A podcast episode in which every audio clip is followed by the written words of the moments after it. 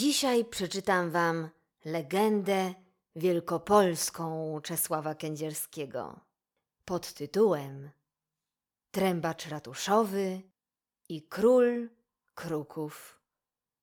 Krajowa Agencja Wydawnicza Warszawa. Zapraszam. Opowiem wam dziś pewną piękną historię o ratuszu poznańskim. Ratusz poznański znacie z pewnością wszyscy, a przynajmniej znacie wy wszyscy, którzy mieszkacie w Poznaniu.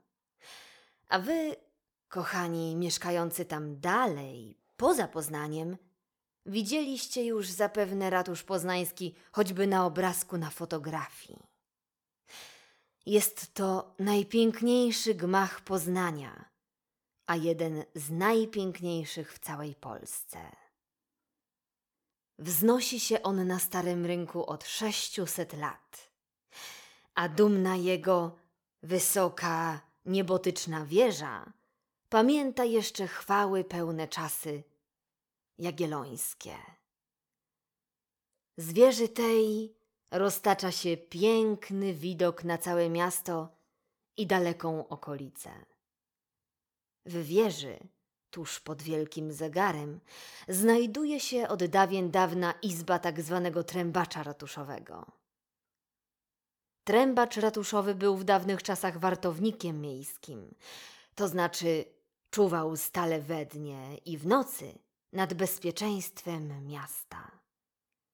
Jeżeli na przykład gdzieś w mieście wybuchnął pożar, wtedy trębacz ratuszowy trąbił na alarm, wzywając mieszkańców do gaszenia pożaru. Otóż przed wielu, wielu laty takim strażnikiem ratuszowym był zacny i wierny Przemko. Miał on syna Bolka, dla którego największą radością było przebywanie na galeryjce wieży. Przebywał tam też codziennie całymi godzinami. Przyglądał się ze swej wysoczyzny ludziom chodzącymi ulicami, takimi maleńkimi jak karzełki. I przyglądał się chmurkom na niebie, które przybierały kształty różnych wielkoludów i koni i smoków fantastycznych. I przysłuchiwał się głośnemu tykaniu zegara ratuszowego, który powtarzał bez przerwy swoją mowę tajemniczą. Tyk, tak, tyk, tak, tyk. Było tak, jest tak, będzie tak. A potem huczał bam, bam, bam.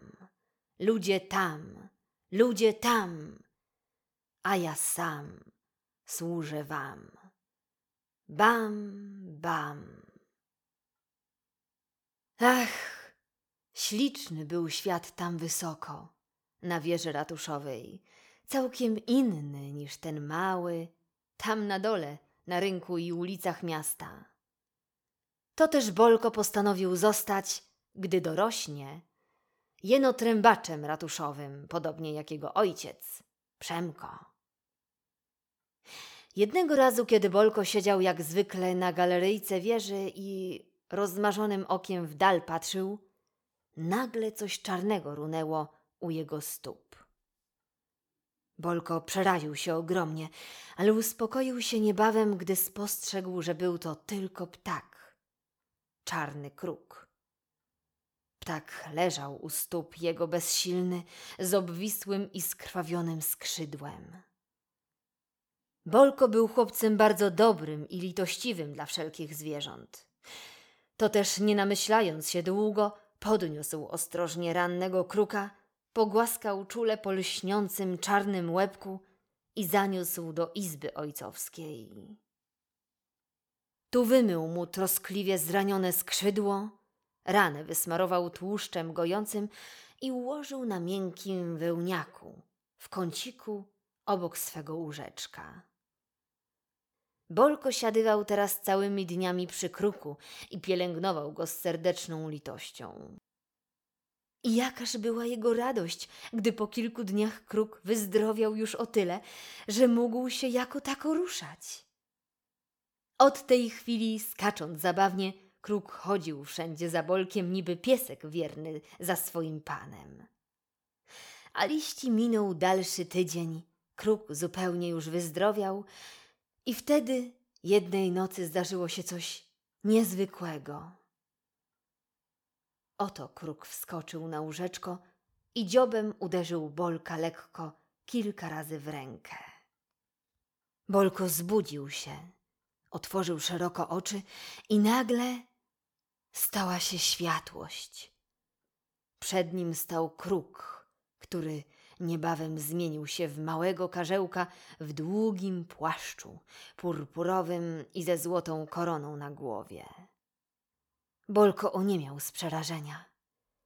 Ale w tejże chwili karzełek przemówił do niego głosem smutnym, a pełnym miłości.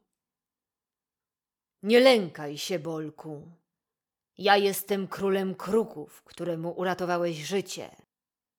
Pewien strzelec miejski strzelił do mnie z samopału i przestrzelił mi skrzydło.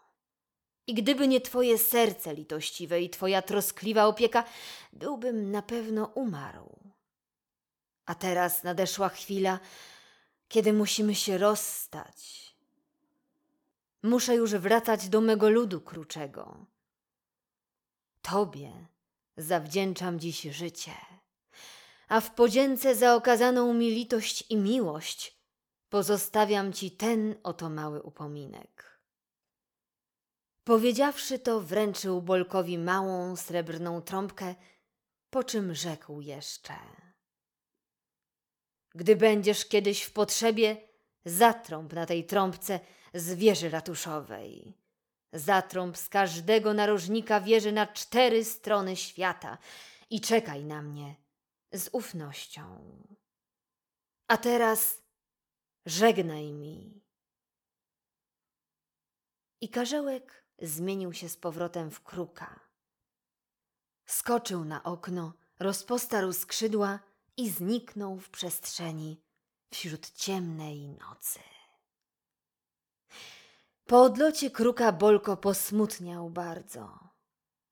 Żal mu było ptaka, który stał się mu towarzyszem najmilszym i zabawką, i do którego przywiązał się całym sercem. Nazajutrz wyszukał w domu mocną tasiemkę, przywiązał do trąbki, po czym trąbkę zawiesił na piersi. Odtąd już nie rozłączał się z trąbką ani na chwilę. Minęły lata i Bolko wyrósł na dzielnego młodzieńca. Pomagał ojcu w czuwaniu na wieży nad bezpieczeństwem miasta, a poza tym ćwiczył się w rzemiośle wojennym jako żołnierz miejski dla obrony miasta. I wtedy to nastały ciężkie czasy dla Poznania. Wojska nieprzyjacielskie wtargnęły do Polski, stanęły pod murami Poznania i zaczęły uderzać na nie ze wszystkich stron. Poznańczycy bronili się dzielnie, a najdzielniej walczył Bolko, ale nieprzyjaciół było bardzo wielu. I kiedy wojska nieprzyjacielskie z wielką siłą uderzyły na bramę wrocławską, wtedy zdawało się, że maluczko a zdobędą miasto. Kobiety, dzieci i starcy w popłochu chronili się do kościołów i pałacu arcybiskupiego na Wyspie Tumskiej, a przy bramie zagrożonej zostali jeno mężczyźni. Walczyli jak lwy, ale szeregi ich malały coraz bardziej. Bolko, widząc dookoła siebie tak straszne spustoszenie, szalał z rozpaczy na myśl, że ukochane miasto padnie ofiarą wroga. Ale wtedy właśnie przypomniał sobie z lat dziecięcych trąbkę i słowa karzełka, króla kruków. Gdy będziesz w potrzebie, zatrąb na tej trąbce z wieży ratuszowej na cztery strony świata i czekaj na mnie z ufnością. I Bolek szybko powiedział sobie: Wszakże jestem teraz w wielkiej potrzebie, wszakże miastu mojemu i wszystkim mieszkańcom Grozi straszne niebezpieczeństwo od wroga. Pokaż więc, trąbko moja, swoją moc. Po czym Bolko zawołał do swoich walczących towarzyszów. Wytrwajcie, bracia, na stanowisku, nie dajcie się. Ja śpieszę po pomoc. Nasze będzie zwycięstwo. Wytrwajcie, Bóg i ojczyzna. Krzyknął i pobiegł co tchu w stronę ratusza. Wbiegł po krętych schodach na wieżę ratuszową i na swej srebrnej trąbce zagrał z całych sił na wszystkie cztery strony świata. Gdy przebrzmiał ostatni dźwięk trąbki, Bolko wytężył wzrok i słuch. Z zapartym oddechem czekał na to, co teraz powinno nastąpić. Hen na dole, na murach koło bramy wrocławskiej, toczyła się dalej walka zażarta i nic nie zaszło takiego, co by zapowiadało bliski ratunek dla oblężonych. Bolko niecierpliwił się coraz więcej. Każda chwila oczekiwania wydawała mu się wiecznością. Okrzyki walczących wzmagają się, rosną, aż w pewnej chwili wybuchają potężnym rykiem zwycięstwa. To wojska nieprzyjacielskie zaczynają przełamywać opór walczących obrońców. Bolko, zobaczywszy to, myślał już tylko o tym, że nie wolno mu stać bezczynnie, że musi podążyć co prędzej naprzeciw wrogom i choćby zginąć śmiercią walecznych. I już odwrócił się, by zbiec z wieży ratuszowej, gdy wtem ktoś przytrzymał go za kurtkę. Bolko spojrzał za siebie jakież było jego zdziwienie, kiedy ujrzał króla kruków w płaszczu purpurowym na ramionach i w koronie złotej na głowie. Przywołałeś mnie, rzekł do Bolka. Uspokój się, pomoc już bliska. A powiedziawszy to, przyłożył do ust maleńką złotą trąbkę i zatrąbił swój sygnał królewski. I w tejże chwili na krańcach nieba pokazały się chmury czarne, które zbliżały się z błyskawiczną szybkością. Były to olbrzymie, niezliczone tysiączne stada kruków, nadlatujące ze wszystkich stron. Bolko, zobaczywszy to, oniemiał ze zdumienia. Zafurkotało w powietrzu załomotało, jak gdyby grzmot szalejącej burzy i tysiące kruków, kracząc złowieszczo, runęły z góry wprost na wojska nieprzyjacielskie. Mocnymi skrzydłami biły w twarze napastników i wtedy stało się coś całkiem nieoczekiwanego.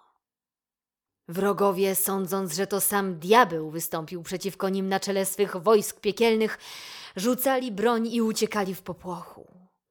Ale kruki nie zaprzestały walki, a przeciwnie, rzuciły się w pogoń za uciekającymi i zabijały ich swoimi dziobami. Bolko nie posiadał się z radości.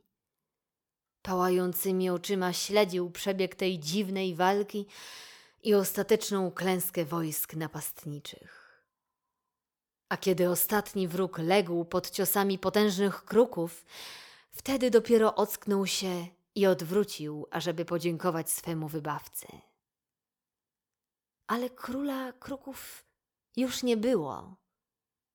Znikł niepostrzeżenie. Bolko dojrzał go w oddali, lecącego wysoko na czele swych wojsk kruczych. Zerwał więc czapkę z głowy i krzyknął za odlatującym. Żegnaj mi, królu kruków! Dzięki ci, dzięki stokrotne za zwycięstwo! Radość wielka zapanowała w mieście z powodu pogromu wroga. Bolka, w nagrodę za uratowanie miasta od wroga, obnoszono triumfalnie po wszystkich ulicach i obrano wójtem miasta Poznania. A dla uczczenia tego niezwykłego zwycięstwa postanowiono, ażeby trębacz ratuszowy od tej pory grał hejnał zwycięski króla kruków stale, co godzinę z czterech narożników wieży. Hejnał ten słyszymy po dziś dzień. Kruki co prawda już nie przylatują, ponieważ srebrna trąbka króla kruków zaginęła bezpowrotnie. Bolko upuścił ją z wieży przerażony widokiem zbliżających się stad kruczych. I mimo poszukiwań trąbki czarodziejskiej, już jej nie znaleziono. Przepadła bez śladu. Pozostał jednak hejnał, który nam gra.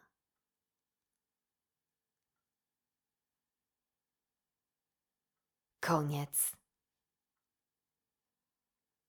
Jak podobała Wam się legenda wielkopolska? Hmm. Czy byliście kiedyś w Poznaniu?